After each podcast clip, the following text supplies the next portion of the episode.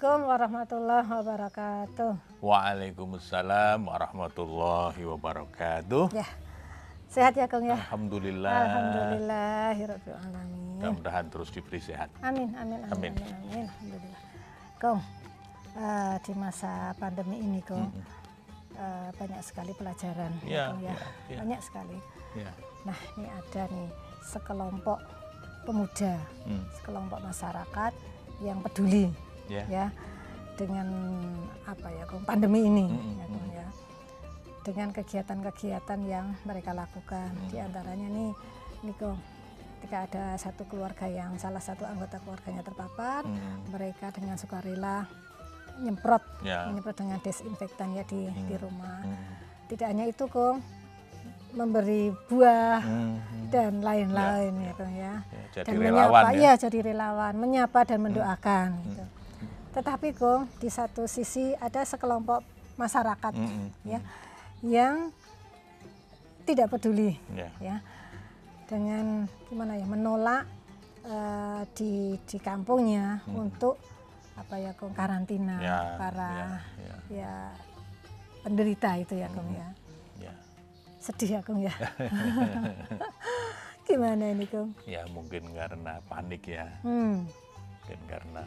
Ya alhamdulillah ada anak-anak muda yang mau jadi relawan. Ya. Dan itu kan sebetulnya juga bukan tanpa resiko kan Iya, ketika betul, iya. eh, jadi relawan untuk nyemprot, untuk mengantarkan pasien, Iya. bahkan untuk menguburkan pasien itu bukan tanpa resiko. Itu yang patut kita hargai. Mereka mempertaruhkan nyawa untuk orang lain, luar biasa. Memang ada sebagian yang lain itu yang mungkin karena kecemasan dan ketakutannya yang berlebihan yang dalam bahasa psikologi sering disebut dengan istilah panik. Hmm. panik itu kan kalau kita lihat dalam kamus besar bahasa Indonesia itu kan bingung, gugup, takut yang tiba-tiba gitu, yang mendadak tapi berlebihan gitu.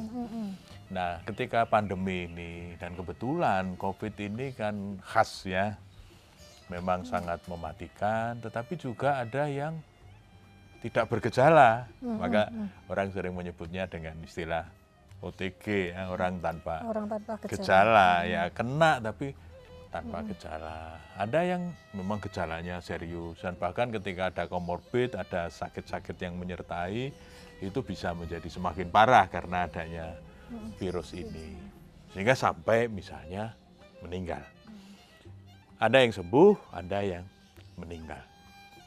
Nah, cuma di dalam pemberitaan porsi cerita yang meninggal sama yang sembuh ini kan biasanya menarik yang meninggal yang diberitakan sehingga kesan orang bahwa COVID ini sangat mematikan, sangat membahayakan sehingga ya kalau bisa jangan dekat-dekat lah. Nah, makanya ketika kemudian ada keperluan misalnya sebuah lokasi akan dijadikan tempat untuk isolasi atau karantina itu sering pro kontranya ada di sekitar lokasi dan biasanya masyarakat cenderung untuk menolak. Ya, dasarnya apa? Ya dasarnya karena ketakutan. Padahal kita sudah tahu informasi dari WHO, dari pakar-pakar kesehatan bahwa penularannya itu kan lebih dari droplet kan dari apa namanya percikan-percikan. Sehingga kalau namanya saya isolasi nggak ke mana-mana di dalam rumah, ya tetangganya kan ya nggak akan kena droplet kan. Tapi yang namanya saja panik, maka orang biasanya cirinya orang panik itu salah satunya memang kehilangan nalar kritis. Kita masih ingat tadi waktu gempa di Bantul dulu, kan banyak kejadian-kejadian orang yang panik sehingga isu-isu itu lebih dipercaya daripada fakta-fakta yang otentik.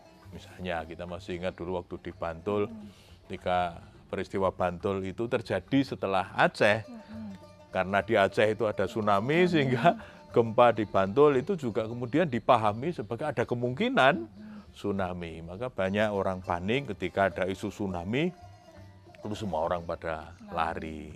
Ya macam-macam kan ada yang ibunya meninggal karena ada isu tsunami, ditinggal lari. Bahkan ibunya hanya diikat di pohon ya maksudnya supaya kalau nanti ada apa-apa ibunya tidak mayat ibunya tidak pergi ya padahal kalau kita berpikir rasional namanya tsunami kok cuma mayat diikat di pohon mau rumah saja bisa bablas. Nah, ya itulah namanya orang yang kehilangan nalar kritis. Jadi memang orang yang panik itu cenderung seperti itu. Kehilangan nalar kritis. Kadang-kadang karena tergesa-gesa responnya itu kemudian cepat sekali dan berlebihan. Jadi reaksinya itu berlebihan. Maka ada kan di sini dulu ketika orang pada lari isunya tsunami, kemudian orang yang jual sate di pinggir jalan itu ya karena suami sama istri, ya, suaminya yang lagi masak sate, ada isu tsunami, kebetulan sepeda motornya ada di depan. Ya tentu suaminya lari lebih kenceng daripada istrinya yang masih di belakang. Suaminya sudah langsung pegang sepeda motor, jalan kebetulan ada orang di pinggir ya. jalan ya ganti. Iya. Lari lihat ada orang yang bawa sepeda motor, dia naik, bonceng di belakangnya, lalu pegangan, suaminya merasa ini istrinya. Istrinya lalu terus jalan begitu sampai di tengah jalan ketemu temunya dibilang itu siapa yang kamu bawa? Wah ya istri saya. Lihat dulu ternyata bukan. Ya ini ya yang yang di belakang ya asal pegang, yang di depan juga merasa karena sudah ada yang megang dia, ya inilah istrinya. Bisa dibayangkan tuh kemudian eh, penumpang gelap itu diturunkan, dia balik lagi ke rumah menjemput, ya. menjemput istrinya. Tapi pasti terjadi perang yang luar biasa itu karena malah justru pada saat situasi genting memboncengkan, menolong orang lain daripada menyelamatkan istrinya. Tapi itu tidak sadar karena dia panik. Jadi reaksinya itu berlebihan. Yang ketiga, biasanya orang itu sangat cemas kalau panik itu. Kecemasannya juga berlebihan. Sehingga di berita-berita yang mendukung kecemasannya itu yang lebih dipercaya. Hmm, hmm, hmm. Oh itu yang di sana ada yang meninggal, yang di sana ada yang terpapar. Lah iya, di mana-mana juga ada yang terpapar. Tapi kemudian itu yang semakin membuat dia ketakutan. Nah, sampai kemudian ada juga yang mengalami gejala-gejala psikopatologis, artinya kemudian karena ketakutannya yang berlebihan itu lalu deg-degan yang denyut jantungnya naik cepat, kemudian mungkin keringat dingin dan lain sebagainya. Tapi gelisah. yang paling ya gelisah, ya karena gelisah. Tapi sebetulnya kenapa menjadi sangat gelisah? Itu karena yang kelima yang mau saya sampaikan yaitu fear of dying sebetulnya kan takut mati. Ti. Oh. Andai kata virus ini tidak mematikan kira-kira ya orang tidak seheboh ini kok. Ti. Tapi karena virus ini ada kemungkinan bisa bikin orang meninggal, maka kemudian ketakutan itu menjadi berlebihan. Mungkin karena yang di sekitar situ itu masih belum siap untuk menghadap kepada Allah Subhanahu wa taala sehingga kematian itu dianggap sebagai sesuatu yang menakutkan. Padahal kalau dalam dunia sufi kan ada sufi yang ketika mau meninggal itu justru pesan kepada murid-muridnya besok kalau saya mati kamu jangan bersedih. Kalau kamu mau ke kuburanku mengantarkan aku ke pemakaman bawalah alat musik dan menyanyilah. Karena aku mau ketemu dengan kekasihku. Ya, itu karena dia justru meninggal itu sangat diharapkan karena akan ketemu dengan Allah. Itu meninggalnya orang soleh. Nah maka fear of dying ini yang sering menjadi persoalan. Karena yang bersangkutan mungkin belum siap untuk menghadap kepada Allah sehingga mati itu menjadi sesuatu yang menakutkan. Nah, iya. Tuntunan agama gimana nih kok? Iya, Ya sebetulnya kalau tuntunan agama kita kan harus menolong. Hmm. Iya kan? Ya. Harus menolong. Hmm. Ini kan orang yang sedang menderita. Hmm.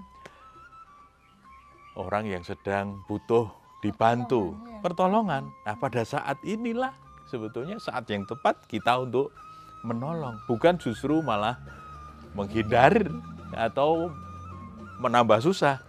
Kadang mungkin orang tidak membayangkan, sekarang dia nggak mau ke tempatan Coba bayangkan kalau yang bersangkutan atau keluarganya yang terpapar, kemudian orang lain menolak supaya tidak ikut terpapar, betapa sakitnya Iya. dia tidak diterima padahal dalam keadaan betul-betul butuh. betul-betul butuh pertolongan. Maka di dalam Al-Quran surat Yunus ayat 49 Allah mengingatkan begini.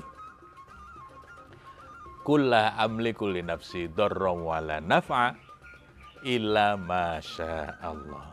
Jadi sebetulnya Allah sudah memesankan kepada kita semua katakan apa yang harus kita katakan? La amliku li nafsi darram wala naf'a. Tidak ada yang bisa bikin madorot atau manfaat kepadaku ila masya Allah. Kecuali yang diizinkan, yang dikehendaki oleh Allah. Jadi keyakinan kita kepada kemahakuasaan Allah itu yang menurut saya harus ditingkatkan. Karena di ayat itu juga dikatakan likuli ummatin ajal.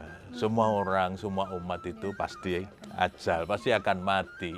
Jaa ajaluhum, maka ketika sudah sampai ajalnya tidak bisa diundur dan tidak bisa dimajukan lagi karena memang sudah ada garisnya masing-masing. Sehingga menurut saya ya tidak perlu ada ketakutan ya, yang berlebihan, ada penolakan hanya karena takut mati. Karena hidup dan mati itu Allah yang menentukan. Sepanjang kita sudah berdoa, Kita sudah berusaha mentaati protokol dengan sungguh-sungguh, sudah kita serahkan sepenuhnya kepada Allah. Maka cara yang seperti ini itu yang kemudian membuat hati kita menjadi lebih kokoh ketika menghadapi situasi yang tidak mudah.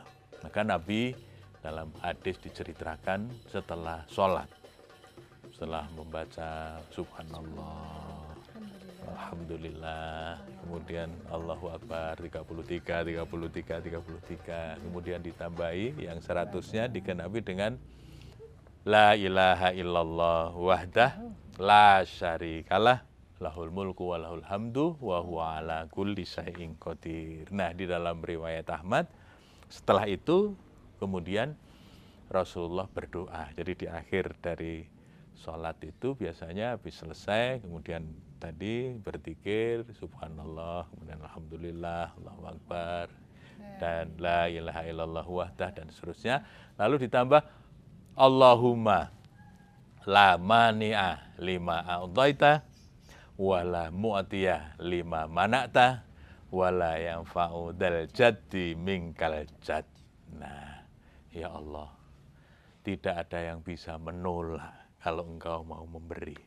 Tidak ada yang bisa memberi kalau engkau menolak. Jadi itu betul-betul meyakini bahwa semuanya atas izin Allah wala yang fa'udal jaddi minkal jad. Tidak ada gunanya kekayaan. Karena kekayaan itu semuanya berasal darimu. Jadi artinya ya semuanya itu dari Allah. Nggak ada gunanya kalau tanpa izin ridho dari Allah subhanahu wa ta'ala. Nah keyakinan yang seperti ini yang membuat kita tidak mudah panik, tidak mudah takut ketika menghadapi situasi-situasi yang kritikal. Ya. Kong, cara kita, eh, bagaimana caranya agar supaya kita itu tidak mudah panik ya, Mm-mm, Kong, ya. mm-mm, mm-mm. Eh, tipsnya Kong, eh, agar supaya kita itu tidak mudah panik. Ya. Manusia pasti ya Kong ya, Ya. mengalami Ya, ya, situasi-situasi. situasi itu ya Mm-mm. pastilah. Ya. Gimana ya Kong? Pertama, kita harus mengenali tanda-tanda panik. Hmm, ya. Jadi ketika kita mulai ketakutan berlebihan, denyut mulai meningkat, kemudian kok pikiran kita jadi aneh-aneh gitu. Ah, itu itu di antara Mulai ya. mulai ini, ini tanda-tanda mau kena serangan panik. Nah, itu kita kenali dulu. Oh, ini hati-hati. Ini ini sudah mulai naik. Kemudian ketika sudah mulai terasa itu ya ambil nafas. Hmm. Ya, atur nafas karena biasanya orang panik itu kan nafasnya Cepat tersengal-sengal, ya, cepat, cepat. iya. Nah, cepat itu dilawan dengan diatur supaya Hmm. pelan. Maka ambil nafas dalam-dalam. Nah, kemudian relaksasi kan. Kemudian kita rileks, mungkin dengan rebahan, meregangkan otot-otot supaya nggak lagi terlalu tegang. Nah, lalu kita lawan pikiran-pikiran negatif itu dengan pikiran-pikiran yang lebih rasional, yang lebih positif. Ya, jangan percaya dengan hoax, jangan percaya kepada rekaan-rekaan kita sendiri. Ya, mestinya kita percaya kepada ahlinya kan. Kalau dokter sudah mengatakan insya Allah tidak apa-apa karena menurut penelitian begini, ya itu yang benar. Tapi kan kekhawatiran kita kadang kemudian, wah nanti Mereka-reka cerita. bikin sendiri ya nanti bisa begini, bisa begitu. Iya, iya, iya. Ah, lebih baik kita menghindari, ah ya menghindari, tapi kalau kemudian ada orang lain yang harus ditolong dan kita tidak menolongnya, ini kan menjadi persoalan. Nah, yang terakhir harus memperbanyak zikir. Ya, kita memperbanyak takarub kepada Allah supaya hati kita menjadi tenang ala bidzikrillah tatmainul qulub karena kalau kita banyak berzikir insya Allah hati kita akan menjadi lebih tenang kita husnudon saja dengan keputusan-keputusan Allah itu yang membuat insya Allah kemungkinan akan menjadi panik itu semakin Semakin turun ya. turun ya pemirsa panik adalah pembunuh utama nalar kritis serangannya dapat membuat orang pintar berlaku bodoh. Ketenangan selalu hadir jika hati dipenuhi cahaya ilahi. Assalamualaikum warahmatullahi wabarakatuh. Bye.